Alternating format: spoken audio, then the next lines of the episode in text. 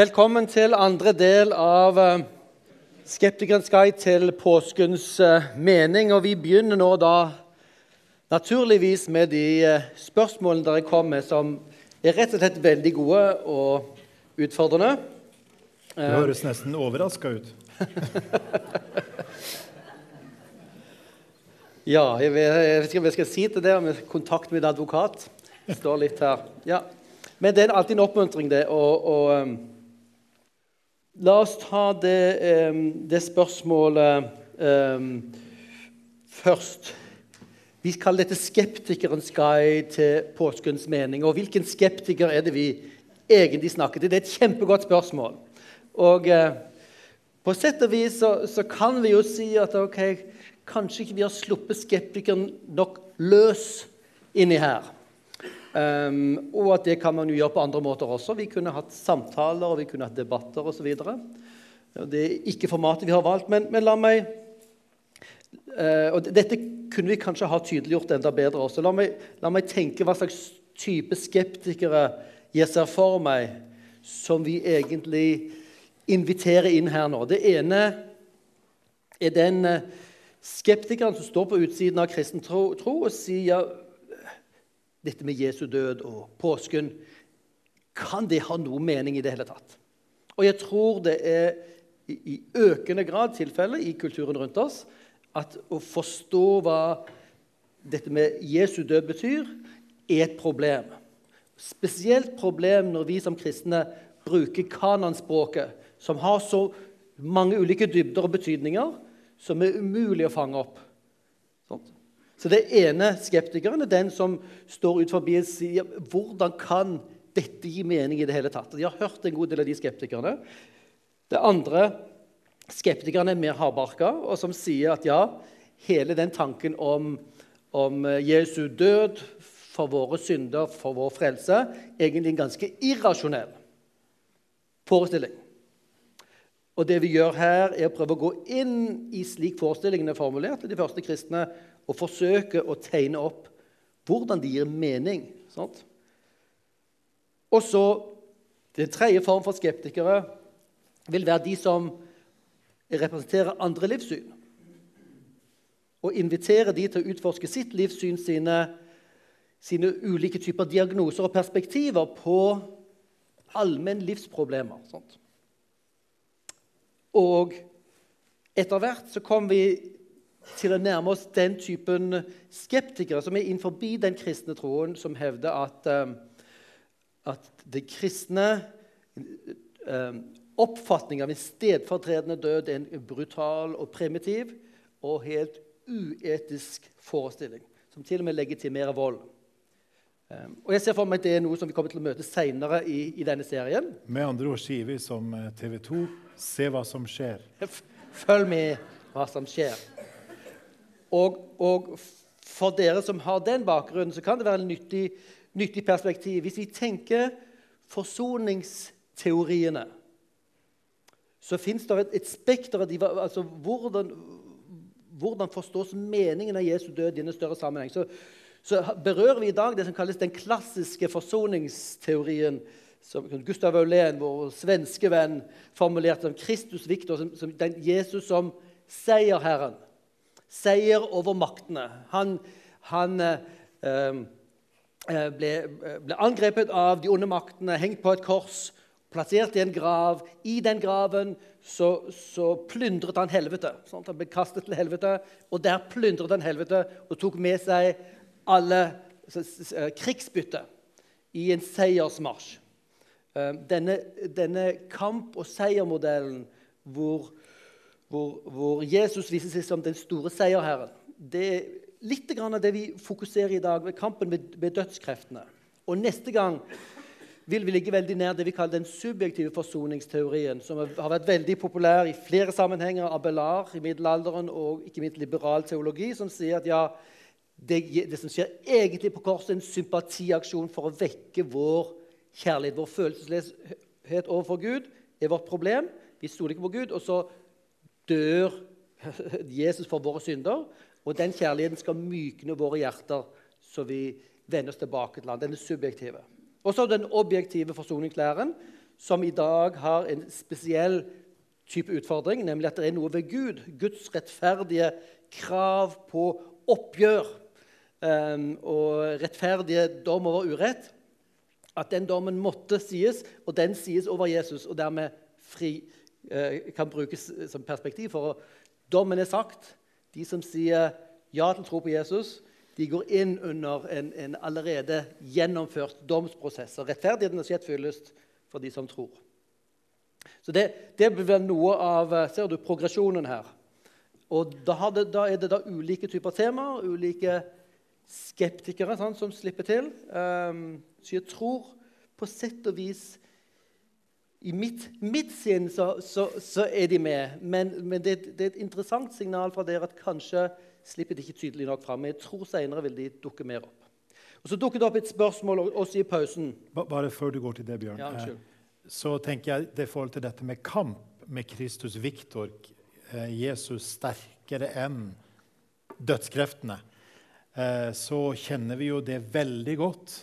Og av dere, noen av dere her i salen kjenner det ekstra godt eh, fra de store vekkelsene i Etiopia. ikke sant?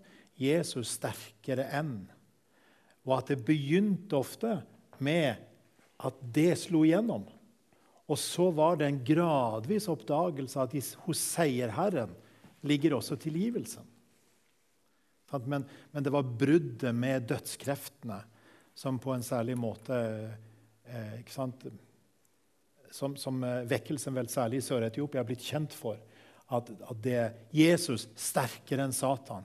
Eh, og, så la oss ha oss, ha med oss det perspektivet at, at dette er noe som som kanskje ikke har vært sterkt nok fremme i, i vår forkynnertradisjon og vår teologiske tradisjon på hjemlige strøk. Eh, hva betyr det at eh, som vi skal komme tilbake til også, men at Jesus på korset beseirer dødskreftene? Så det kommer vi tilbake til, men på en måte det. Men du ja. sa i spørsmålet i, i, i, pausen. Ja, og, og knyttet til dette spørsmålet også, så, så liksom, hvordan behandler vi egentlig skepsisen her? For vi beveger oss fra jeg sa, den vestlige naturalistiske perspektivet. Sant? Det ser materietid og tilfeldighet. Og så hopper de til det paltistiske og østlige. Og så gir rett inn i det kristne perspektivet. Uten å ha strengt tatt argumentert mot de andre. Eh, og Det har vært litt intensjonen. Disse kveldene har vi ikke tid og har ikke fokus på å strengt tatt systematisk kritisere livssyn. Det som var, det som var poenget, og vi, og vi, påpeker av og til svakheten og styrken i noen livssyn, og spesielt i naturalismen. Og det er ikke bare vi som sier det om naturalismen, at det ikke fins rom for objektivt rett og galt i den. Det sier naturalister og filosofer selv. sant? Eh, men, men eh, det vi, det vi, ønsker å gjøre, er å si ok, En måte å nærme seg den kristne troen på er å se på de ytre tingene. Døde Jesus? Har han, har han levd? Det så vi på sist vår. Øh, hva skjedde med Jesu oppstandelse? Historisk sett har det skjedd. En annen måte å nærme seg kristen tro på er å gjøre det vi gjør nå, å gå inn fra det kristne perspektivet. Hvordan ser virkeligheten ut? Og Det er et perspektiv som vi ofte har glemt, at den kristne troen og alle troer kan ses på delvis utenifra, hvor du analyserer, men så er det også et innenfra-perspektiv, som er den som gir meningen. Sant? Og nå inviterer vi også skeptikere til å se ok, det kristne perspektivet fra disse ulike temaene det gir i hvert fall mening. Og så kan vi gå tilbake igjen og, og analysere det. Og hva slags mening gir det? Ja, men er det egentlig sant? Det, det er ikke det som vi har bevist her. Eh, men spesielt spørsmålet om, om det gir mening, og hvordan. Men Bjørn, synd bommer på målet. Hvem bestemmer det gode målet? Ja, Det er et kjempeviktig, kjempeviktig tema. Og, og, men som sagt så har synd veldig mange ulike ord på, på, på grunntekstene. og både synd i, på hebraisk og gresk de, de hovedordene betyr jo å bommer på målet. Eh, og det, det, det, som er interessant, Hvis en stiller de aller største spørsmålene OK Hvis du er produkt av, av kun evolusjon, materie, tid og tilfeldighet, hva er egentlig målet? for ditt liv. Det som har skjedd i idéhistorien, at spørsmålet om en tings mål og en tings essens er skjøvet ut. Det var egentlig Aristoteles som ble skjøvet ut i, i, i senmiddelalderen. Og så stiller vi andre spørsmål. Vi stiller spørsmål om årsak. Og så har moderne mennesker strengt tatt ikke ressurser for å kunne definere ja, hva er et menneskets mål. Hva er vårt mål? Men det hadde du inni, inni, hos Aristoteles, den store filosofen. Hadde ideer om hva som er menneskets mål. Hvis det fins en Gud som har skapt oss til noe, ja, da fins det noe vi kan si som er menneskets mål, og da, da går det an å bomme. Hvis universet er materie til tilfeldighet, så er det strengt tatt ikke mulig å bomme. Fordi du, du er hva du er. Og Derfor er synd et veldig kristelig ord. Så med en gang du, du, du transporterer det ordet synd ut inn i et annet livssyn, så vil det ikke gi i hvert fall ikke samme mening. Som oftest vil, det, vil meningen forsvinne. Du ser et begreps mening innenfor et univers hvor det fins en Gud som har en mening, og som har, altså skaperen gir mening til begrepet synd, hvis han har en tanke om oss. Mm. Så var det to andre spørsmål, må, eller en spørsmål en refleksjon. Det ene spørsmålet var dette med det som skjedde med Adam og Emma. Hvorfor har det konsekvenser utover de to. Eh, og da ser det ut til at Bibelen opererer med eller Det kristne perspektivet her på utgangspunktet i Bibelen opererer med to nivåer. Det ene er det individuelle nivået, og det andre er det kollektive nivået. Og at eh, det, Hvis en f.eks. ser på, på, på Romerbrevet eh, og første Korinterbrev, Rombrevet 5, 1. Korinterbrev 15, så tales det om Adam og Kristus, og Kristus som den andre Adam. Og Da kan vi spørre oss også hvorfor er det som skjedde med Jesus, kan det ha betydning for oss? Jo, det er på en måte en slags Vi, vi innlemmes i, et, i en sammenheng. Vi står i en større sammenheng enn bare det individuelle livsløpet. Så selv om vi er skyldige overfor Gud på grunnlag av enkeltsynder, som Bjørn har forklart her, som er mye bredere enn vi ofte tenker, sant? og mye dypere eh, innkrøkt i oss selv, så er vi også satt inn i en sammenheng der vi kollektivt er blitt poda inn i et ansvarsforhold helt fra, fra de første menneskene av. På samme måte som sant, så det er i Adam og i Kristus.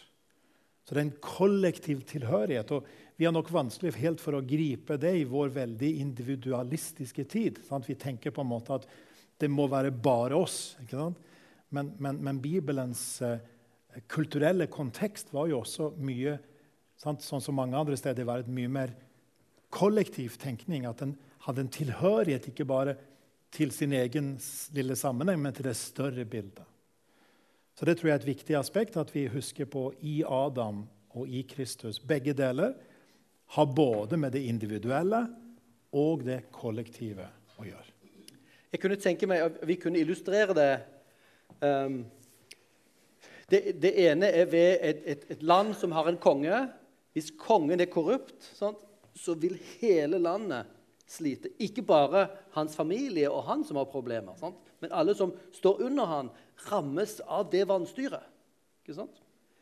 Sånn at det, det, hvis det er én på toppen, så, så, så, så, arver alle vi som er under. Vi arver det som han har vært med å ødelegge. Vil du si det samme gjelder hvis det var en president, f.eks.? Det er kontakt med en advokat. Eller min medierådgiver. Ja. Eh, eh, et annet eh, eksempel på litt annet plan. Se for deg at du vokser opp med en far som mishandler. Hva gjør det med en familie, og hva gjør det med din trygghet? Så hvis, vår, hvis tilliten som vi var skapt til å leve av, det er selve valutaen Og dere vet, det finansmarkedet ramler sammen. Det øyeblikket tilliten, som ikke er fysisk Det øyeblikket tilliten ramler, så ramler alt av vår økonomi. Og vi arver masse, masse trøbbel. Et sted hvor, hvor du er sveket, mister du tryggheten. Da må du selv ta vare på deg sjøl. Ditt liv er styrt av frykt. De andre er konkurrenter. Så, så gjennom å, å, leve inn i det universet så arver du en slags indre dynamikk som er dødsens. Så det, sånn Psykologisk gir det også, også mening hvis, hvis sviket til den Gud som gir tryggheten, gjør at tryggheten forsvinner, og vi blir da mer som dyrene, som kjemper for overlevelse. Og som skaper mer frykt. Takk for det. Eh, en siste sak eh, i forhold til eh, den powerpointen, det bildet dere ser, så ble det kommentert helt riktig at dette er den gamle oversettelsen. Led oss ikke inn i fristelse, som ikke nødvendigvis fanger inn helt korrekt. Og er kanskje bedre enn ny oversettelse la oss ikke komme i fristelse. Der vekten er på at det er vårt ansvar, og vi ber Gud om å hindre oss i å komme dette, sant? og bevare og verge oss for det. Bare for å nevne det. Takk for den eh, kommentaren i pausen. Arvesynd, kan du si et ord om det før vi går videre? Ja, arvesynd er jo da altså eh, dette at vi bærer med oss den kollektive arven helt fra de første menneskene av. Den kollektive skylden. Eh, vi podes inn i den kollektive sammenhengen. Og det parallelle her ikke sant, at tilgivelsen ligger potensielt ferdig for oss eh, i Jesus Kristus. Og vi, vi tilregnes den eh, når, vi, når, vi, tror på, på Jesus. Så, så, arvesynd er den at vi fødes med tendensen til å være innkrøkt i oss selv. Med, med at ikke noe menneske fødes uten den innkrøktheten. Så det er et problem for oss alle, og derfor måtte Gud handle. Det var ikke nok at vi prøvde å gjøre noe. ikke sant? Gud måtte gjøre noe fordi vi var hindret fra å gjøre noe, fordi vi hadde denne negative skyldarven, i tillegg til alle de tingene som individuelt gjør at vi også er skyldige.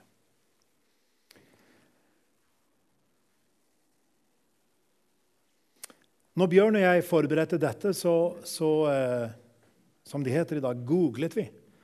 Satt sammen og eh, fant da en, eh, et, egentlig et veldig treffende eh, uttrykk. Og det var ingen mindre enn eh, lærer på Fjellaug internasjonale høgskole, eh, Egil Sjåstad, som i en andakt i avisen Dagen hadde kalt det for en fiendtlig trio.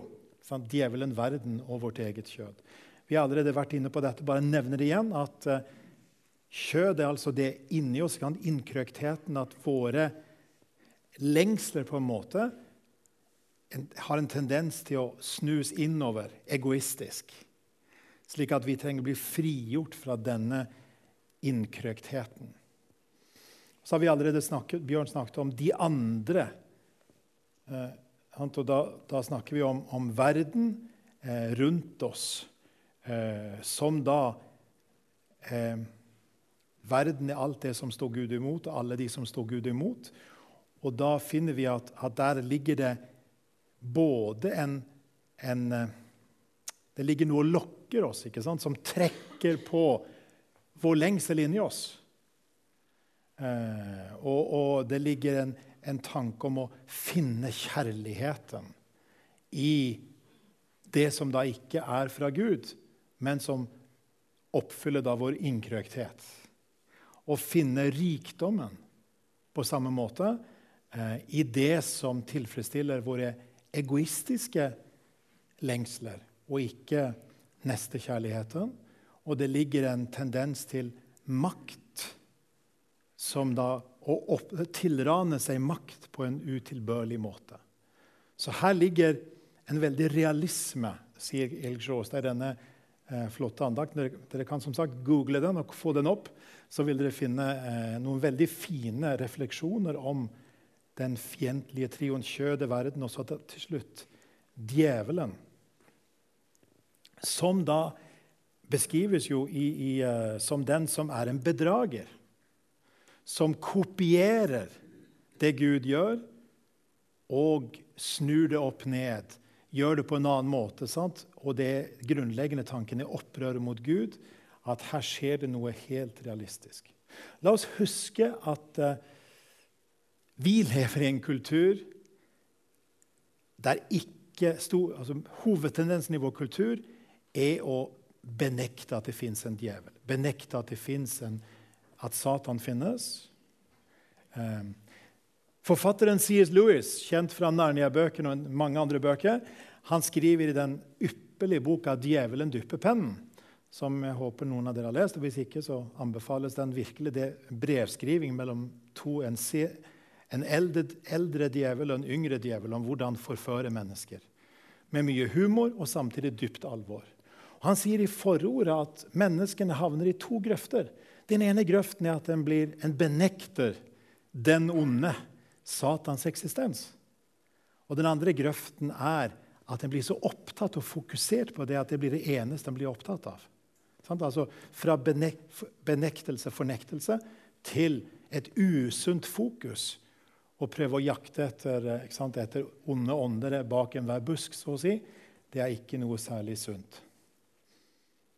Så Derfor trenger vi en bibelsk realisme, sier C.S. Lewis, der, der vi anerkjenner at dette er en realitet, men ikke blir så fokusert på dette at det lammer oss, og at det skaper en usunn holdning hos oss. Dødskreftene, ja, Vi har allerede berørt at dødskreftene har med avguden å gjøre. Nå har vi tatt, eh, tatt, tatt linjen med kirkefaderen Augustin, vi har vært innom eh, Martin Luther. Eh, en av de veldig kjente kristne forfatterne. Uh, I dag heter Timothy Keller. Han er pastor i Manhattan i, New York. Og er, en av de mest profilerte kristne forkynnerne og formidlerne i dag. Har veldig mye å gi. Han snakker mye om, om at avgudene og avgudsdyrkelse, eller idolatry, er veldig viktig. Da sier han synd er ikke bare det å gjøre ting som er, er, er, dårlige. Det er faktisk det at vi tar gode ting og gjør det til absolutte ting. Tar det gode sant, og gjør det til det absolutte. Altså, det blir Guds erstatninger. Det erstatter Gud. Så Guds gaver tar vi i stedet for Gud selv. Så uh, synd er det å bygge både sitt liv og, og, og sin mening i livet på enhver en sak, til og med en veldig god sak enhver ting, til og med en veldig god ting, bare det ikke er Gud. Og da er det sånn at når vi bygger på noe annet enn Gud, så vil det binde oss. Da blir vi slaver. Vi, vi, blir fanget i det vi tror skal frigjøre oss. Igjen sier han synd er fremfor alt avgudsdyrkelse, eller idolatri. Dette er henta fra en artikkel som heter 'Hvordan tale om synd til moderne, urbane mennesker'. Og det er det veldig mange av på Manhattan. Og det er veldig veldig mange som har gått. Menigheten der er kjent for å tiltrekke seg svært mange som ikke har noen kristen bakgrunn. i hele tatt. Og Etter å ha reflektert over sitt møte med så mange, så sier han at vi kan så lett bare tenke at synd har med det å, å tre over en grense og ikke treffe målet sant? og gjøre det vonde ting. Men synd er noe mer, enda mer grunnleggende. At vi faktisk til og med tar at de gode tingene, Guds gode gaver, blir en erstatning for Gud og blir noe som vi dyrker i stedet for Vi dyrker gaven i stedet for giveren. Veldig tankevekkende. Og jeg tror det er veldig realistisk sagt. Og Her knytter han an til denne linjen fra både Augustin og Luther. Og Vi finner denne tanken her veldig tydelig eh, i en rekke bibelsteder. Og, og, la oss nevne her Romerbrevet 1, som jo dreier seg om bl.a. Om, om at mennesket skifter ut Gud med det skapte. Det er ikke lenger Gud som gir endelige, er det endelige forankringspunktet. Men i stedet for å basere vår liv på Gud, så vender vi oss til det skapte, til Guds gaver, til, til, til det han har gitt oss, og tror at det skal gi oss trygghet, mening, kontroll i livet, lykke, anerkjennelse osv. osv. Når vi begynner å lese eh, bibelteksten fra, fra, denne måten, så ser vi at det er utrolig relevant for våre liv. For er det noe vi ønsker, er det jo sant, disse ordene her som består av trygghet, mening, kontroll, lykke, anerkjennelse. Våre liv hadde vært veldig tomme hvis vi ikke hadde erfart noe av det. i det minste. Og Da blir dette veldig realistisk for oss. tenker jeg at Vi, vi trenger å, å, å, å spørre oss hva, hva betyr så dette Dette har med kjærlighet å gjøre. ikke sant?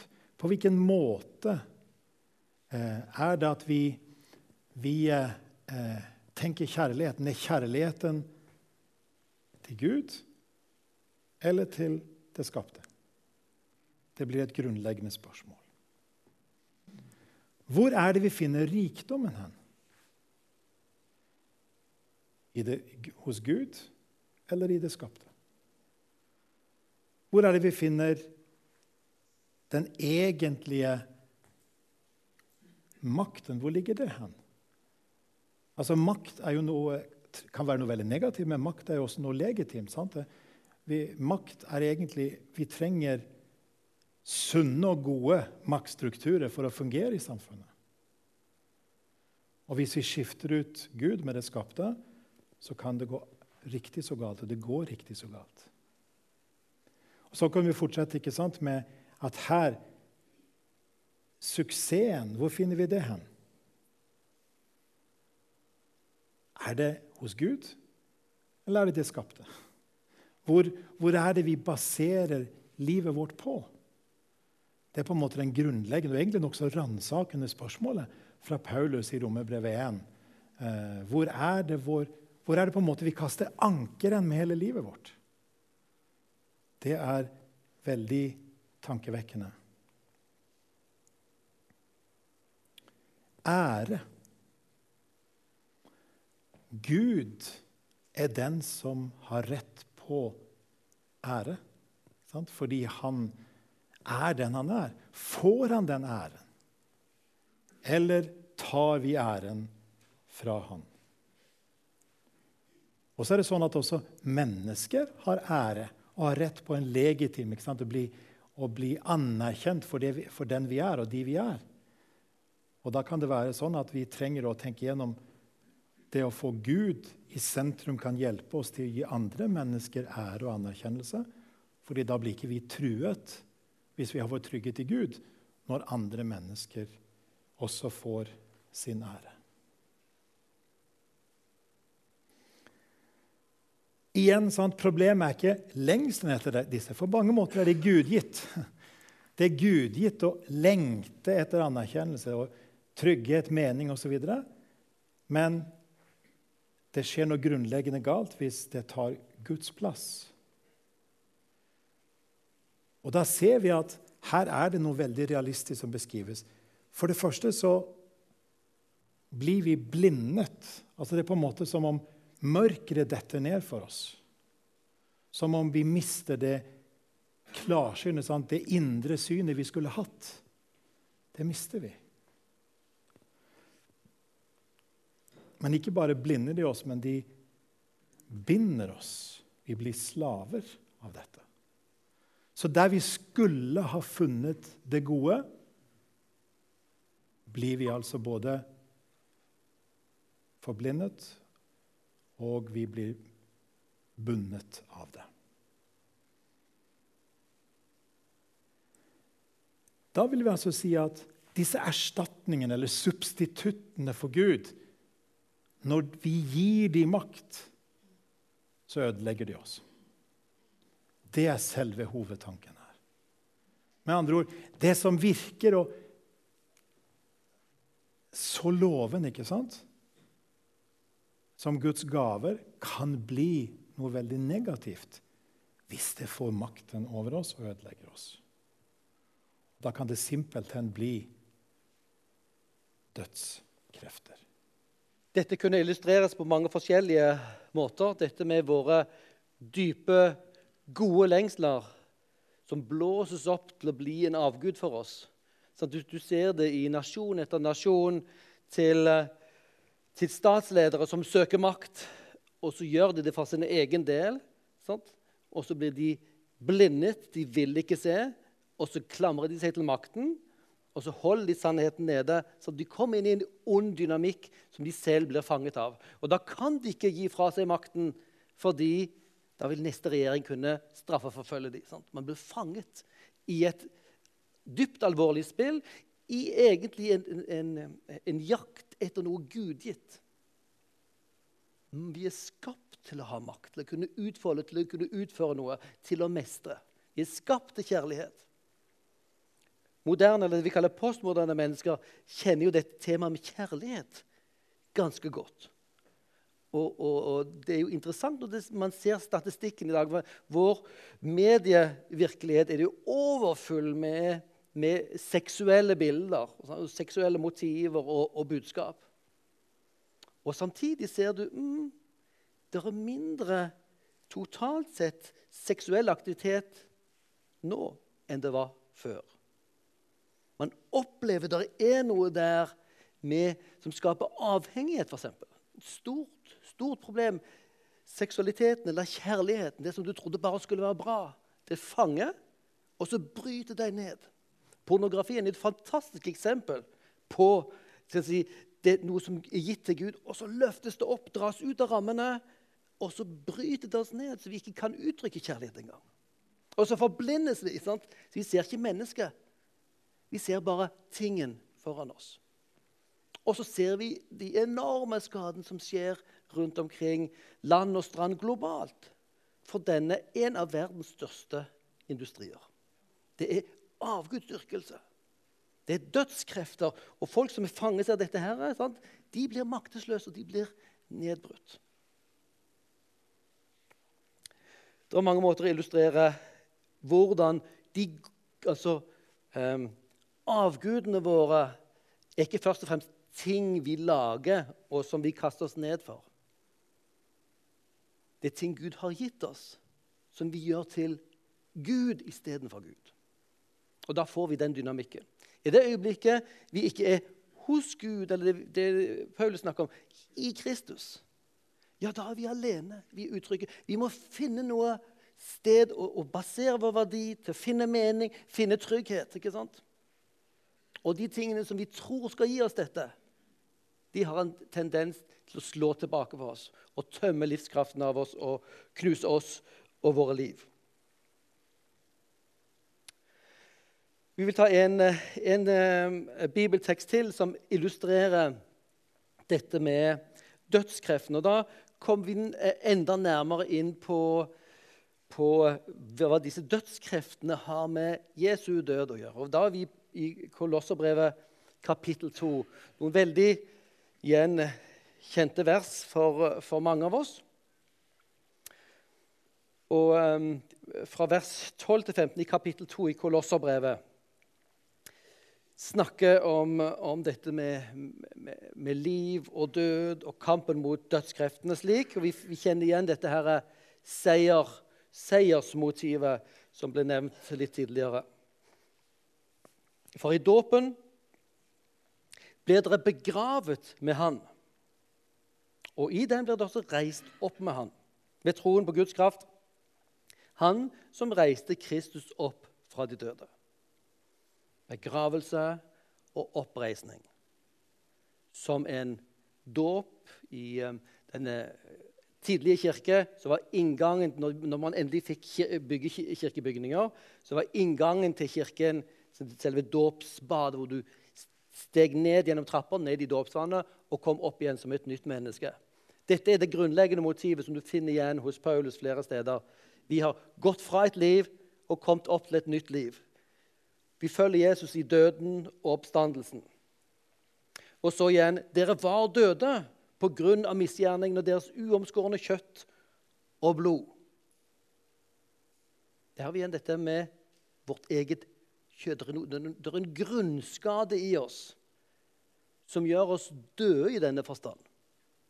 Både at vi ikke har evig liv, vi har ikke kontakt med Gud, vi er faktisk under Guds dom. og vrede, og ikke under hans velsignelse. Derfor er vi døde uten Gud. Det er det, er perspektivet her hos Paulus. Men han gjorde dere levende sammen med Kristus da han tilga oss alle våre misgjerninger. Gjeldsbrevet mot oss slettet han, det som var skrevet med lovbud. Han tok det bort fra oss da han naglet det til korset. Han kledde maktene og åndskreftene nakne og stilte dem fram til spott og spe da han viser seg som seierherre over dem på korset. Veldig, veldig kompakt. Så det første motivet her er jo gravplassen, at vi er døde.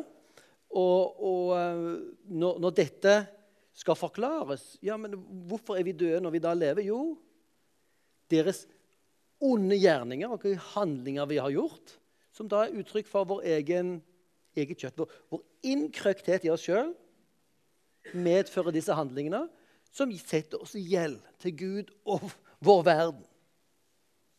Det gjør oss dødsen. Så vi står i gjeld til livet. Vi har sveket livet. Så det er både hvem vi er, og hva vi gjør. Ikke bare handlingene våre. For de er jo egentlig bare kun uttrykk for hvem vi egentlig er på dybden. Og det er døden. Så beveger han seg fra gravplassen over i rettssalen. Han gjorde dere levende sammen med Kristus. Han tilga oss alle våre misgjerninger. Gjeldsbrevet mot oss, slettet han det som var skrevet med lovbud. Han tok det bort da, han naglet det til korset. Jeg kan si Det er rettssal, men det er kanskje mer regnskapskontoret. sånn som noen av dere kjenner godt. Vi stryker over den regningen. Dette gjeldsbrevet. For Hvis det finnes en Gud som er selve livet og livets giver Når vi sviker livet, sviker vår plass, våre medmennesker, Guds skaperverk, ja, så står vi jo i gjeld. Det er ikke bare å late som ikke det finnes og si la oss fortsette som ingenting. Jeg er familiefar og har sveket og tråkket på min familie. Så er hele livet rundt meg en ruin. Jeg kan si ja, ja, men la oss komme oss videre. Nei, du står i gjeld. Du har sugd ut av dette livet for din egen del, som har rammet andre. Du står i gjeld til livet, og vi vet at i det kristne språk er det selvfølgelig til Gud vi står i gjeld. Og faktisk er den den som vi kaller antropologi, dette menneskesynet en fantastisk befriende ting. Det skal vi komme fram til, til, til neste gang. Dette synet på at, at, det som er galt med oss, ikke er at vi er mennesker, at vi har kropp. At vi er tilfeldigvis produkt av noe, noe eller det er problemet at vi er mennesker. Nei, det er moralen, det er synden, det er ondskapen vi har i oss, som er problemet. Og dette, da gjør Gud noe utenfor oss i første omgang. En gjeld som vi har, en objektiv gjeld til universet og til Gud. Og her står det det er hengt på korset. Okay? Det er en slags betaling. Eller vi kan se det på sånn Gud som absorberer ondskapen i seg selv. Hvis du bare tenker at her var det en palestinsk eh, predikant som ble hengt på et kors, så gir ikke dette mening. Et menneske kan ikke dø for et annet menneskets gjeld. sant? Men hvis dette er Gud som henger på korset, han som vi alle står i gjeld til, så har han mulighet til å absorbere vår ondskap og vår gjeld og vår skyld. Dette er da forståelsen som ligger under her, kan vi se for oss. Så noe av nøkkelen dette her er altså tilgivelsen. Korset det endrer vår status fra gjeldstynget i konflikt med skaperverket og skaperen. Og Så beveger vi oss over til den tredje scenen, som er slagmarken eller seierstoget. Han kledde maktene og åndskreftene nakne og stilte dem fram til spott og spe. Det som har vært den klassiske forståelsen her, er at, at um, Dødskreftene, djevelen, de onde maktene ved hjelp av romerne og de jødiske lederne hang Jesus på korset, fikk pakket den inn i graven og trodde de hadde vunnet. Men dette var Gud sin lure idé. For i døden, i dødsriket, i helvete, der brøt Jesus lenkene. Sant? Ranet helvete og djevelen for alle hans eiendeler og kunne komme tilbake til livet som seierherre. Ok, Døden var djevelens onde plan, og så oppstandelsen er da seieren. Ser dere det? Det gir god mening.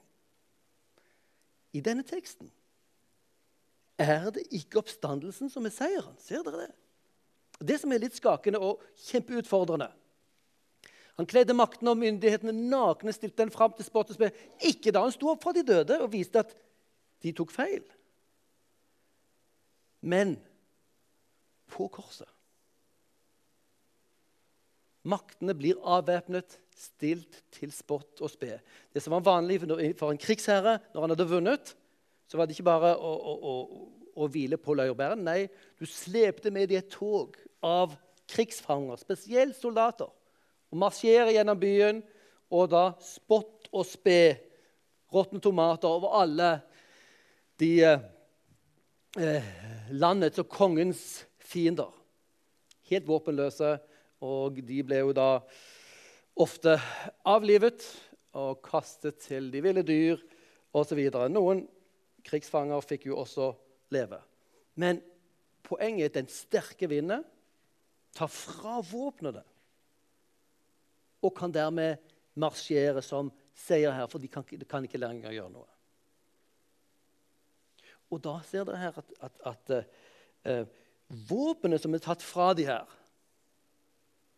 Ikke bare det at Jesus går inn i graven og, og, og, og sånn overvinner og raner dødsriket. Han viser seg som seierherre på korset.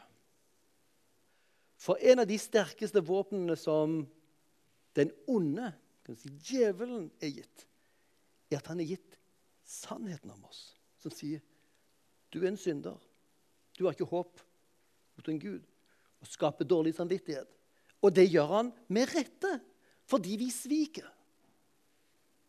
Og jo mer oppriktige, følsomme, jo, jo, mer vi tar moralen på alvor, jo sterkere føler vi det. Altså det er sånn som vi ofte kjenner det også. De menneskene som går mest med dårlig samvittighet, er jo de edleste vi kjenner. De som ikke forstår dette med ond samvittighet, det er ikke mennesker vi ønsker å være altfor tett på. Sånt. Insensitive.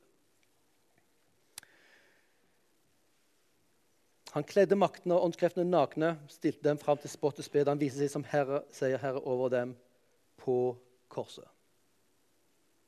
Korset er stedet det skjer en seier. Våpenet var sannheten om oss. Og i andre steder i, i Det nye testamentet så, så, snakker Paulus om loven. Altså Moselov som snakker sant om hva som er rett og galt, hva som er Guds krav. Og da kunne den onde bruke loven imot oss og si at du har ikke håp, du er dødsens. Og han vil ha rett. I denne historien her så ser du det grunnleggende våpenet her er nå tatt fram. Når gjeldsbrevet er tatt vekk og hengt på korset, så er de våpenløse. Og Jesus kan gå gjennom byen til jubel, og vi kan se ned på ikke mennesker, men på de onde maktene, som har konspirert og fortsetter å gjøre det for å ødelegge oss mennesker. Igjen, der ser vi interessant Jesu død blir nøkkelen til å forstå den seieren.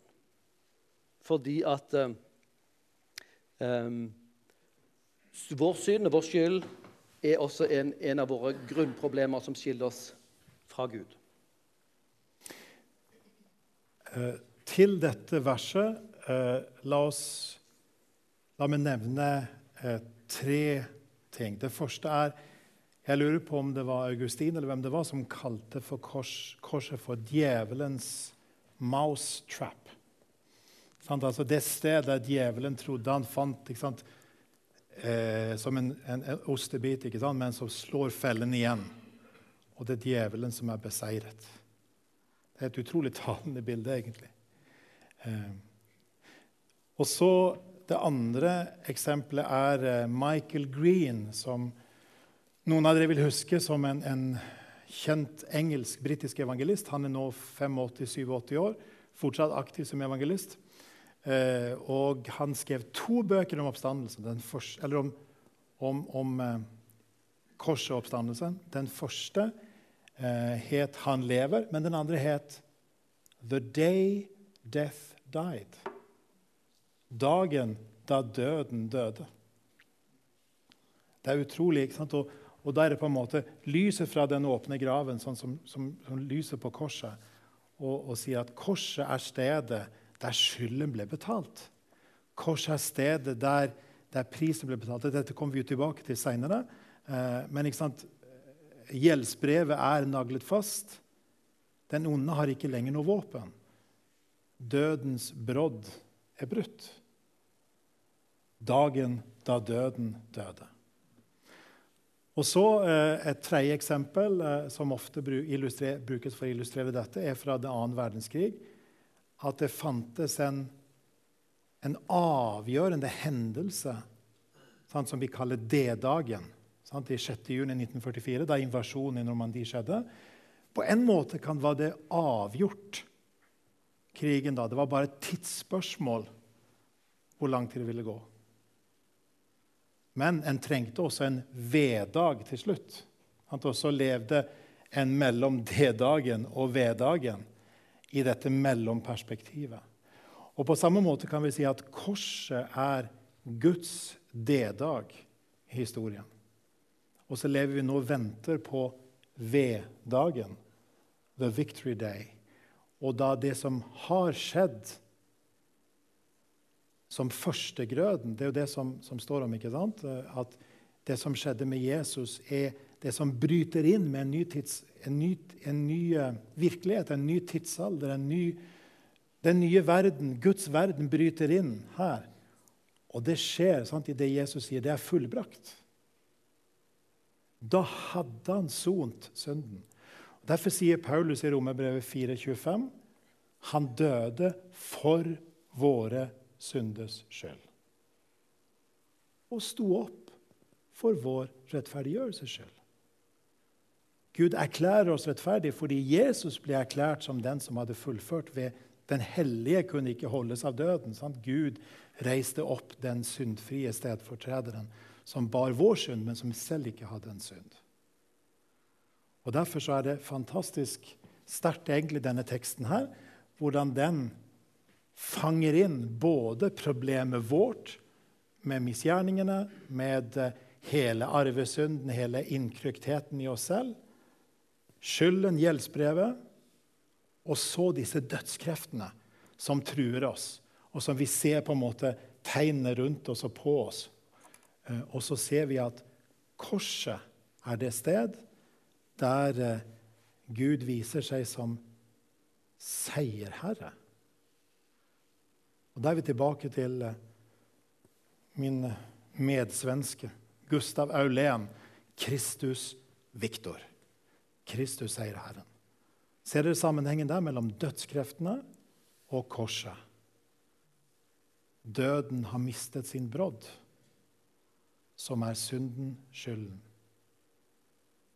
Og da er det sånn at dødskreftene har ikke lenger makt over oss når vi tar vår tillit til Jesus. Det er på en måte sånn som hele Det nye testamentet sin tanke er. Sant? Og Da lever vi i dag mellom D-dag og V-dag, mellom at frelsen er fullført, men frelsens konsekvenser har vi ikke sett i hele universet.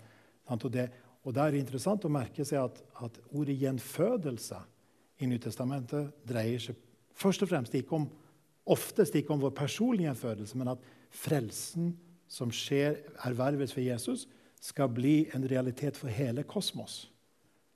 Og da er gjenfødelse på en måte det som skal skje når dødskreftene til slutt må gi tapt, og livets krefter slår igjennom. The tipping point. ikke sant? Det er korset. La meg, la meg gi en siste si, sammenfatning her, hvor vi hvor vi, hvor vi, sier noe om disse dødskreftene, og så sier noe om den, den nye kan de si, livskreftene. For, for, Paulus snakker om, på den ene siden om, om kjødet, de sidene av oss som drar oss ned, og som er i fiendskap mot Gud, som faktisk er der, og som i det mange moderne menneskers syn bare fornektes. Vi er bunn og grunn gode. Det er kulturen det er noe feil med. eller sånt. Men den er én realitet. Um, og så snakker Paulus om ja, vi har fått et nytt menneske som er i oss samtidig med kjødet. Det er en kamp inni oss. Når, når, når man blir kristen, så oppstår en kamp som man ikke hadde før, inni seg. Fordi man har fått en ny natur, eller det nye mennesket. Sånn, korresponderende til det som er den verden som er i fiendskap, er det at vi er plassert over i Guds kongerike. Det er ikke bare det at vi har fått Gud inn i hjertet vårt. Nei, det er vi som er flyttet fra døden, fra verden som er i fiendskap med Gud, over et nytt kongerike. Og Da er det jo ingen, ingen geografisk bevegelse. Sant? Vi beveger oss ikke i rom og tid. Men vi har skiftet allianse. Fra å være alliert med den onde og hans verden, som representerer dødskreftene, er vi nå alliert med han som kommer i han som invaderer og kommer, vil ta tilbake sin verden. Det er han som er eieren. Så vi har skiftet status. Vi er medlemmer av Guds kongerike og tilhører inn, inn under Gud, ikke djevelen. Vi står for valg der. Så i forhold til um, Kolosserbrevet så ser vi hvordan disse maktenes våpen, altså skyldbrevet, som, som setter oss opp i fiendskap i gjeld til Gud, det er da tatt bort. Og at vi nå har fått en ny status fra å være verdens barn og Guds fiender, er vi nå Guds barn og fått en ny herre, en ny konge. Og vi er plassert inn i et nytt rike. Vi er kjøpt for en høy pris. Og så tilhører vi nå den nye kongen, den nye herre, herren, i et nytt kongerike som har andre regler, en annen dynamikk. Som kortslutter kjødet og verden sin, sin, sin, eh, sine dødskrefter i oss. Det fjerner de ikke. Vi kjenner alle disse fortsatt. Men de får ikke gis overmakt. Og så det som vil være kjempeviktig, som du vil se i, i Paulus' sin fortsettelse her ok, Dere er nye mennesker. Gjeldsbrevet er borte. Istedenfor å følge djevelen, følger dere Gud. Nå er dere i Guds rike og har det nye mennesket. Nå kan dere leve ut det nye livet, som er Guds livet, som er livskreftene. Sånt. Og da kommer formaningene. Sånt. Lev det nye livet. Ikke for å bli nye mennesker, men dere har fått det. Så lev det nye som de dere nå er. En ny identitet, en ny herre, et nytt rike. Og alt starter med Jesu død og dette med skyldbrevet. Og Vi kommer jo tilbake med enda mer til det i, i seinere kvelder. Og vi ser litt mer på dette med skyld og gjeld og Gud og vrede. selvfølgelig. Men disse tingene er viklet sammen. Ikke fordi de er forvirret i Nytestamentet, men fordi virkeligheten vår henger sammen.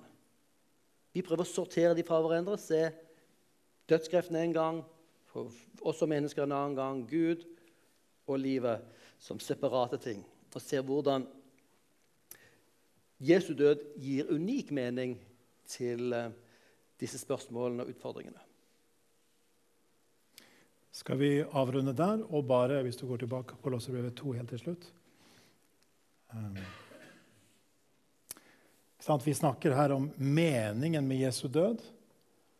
Og er det noe som uh, da kan, kan, være det helt sentrale etter i kveld, må det være det siste verset. Han kledde maktene og åndskreftene nakne og stilte dem fram til spott og spe da han viste seg som Viktor, som seierherre over dem på korset. Koblingen mellom Jesu død og seieren over dødskreftene. Og som vi eh, leste, refererte tidligere fra eh, Luther, ikke sant? både å vinne seier og å holde på seieren. Det er altså det å leve i dette. Skal vi si at vi gir oss med det? Ja. Takk for i kveld. Hvis det er noen som fortsatt har spørsmål, kan dere selvfølgelig komme fram. Kan vi diskutere det. Men nå sier vi takk for i kveld, og vel møtt til eh, neste gang, som vil se på Ops, ja, problemet med oss. Den subjektive forsoningslæren. Um, og hvordan Jesu død løser problemet med hva mennesket er. Takk for i kveld. Takk for nå.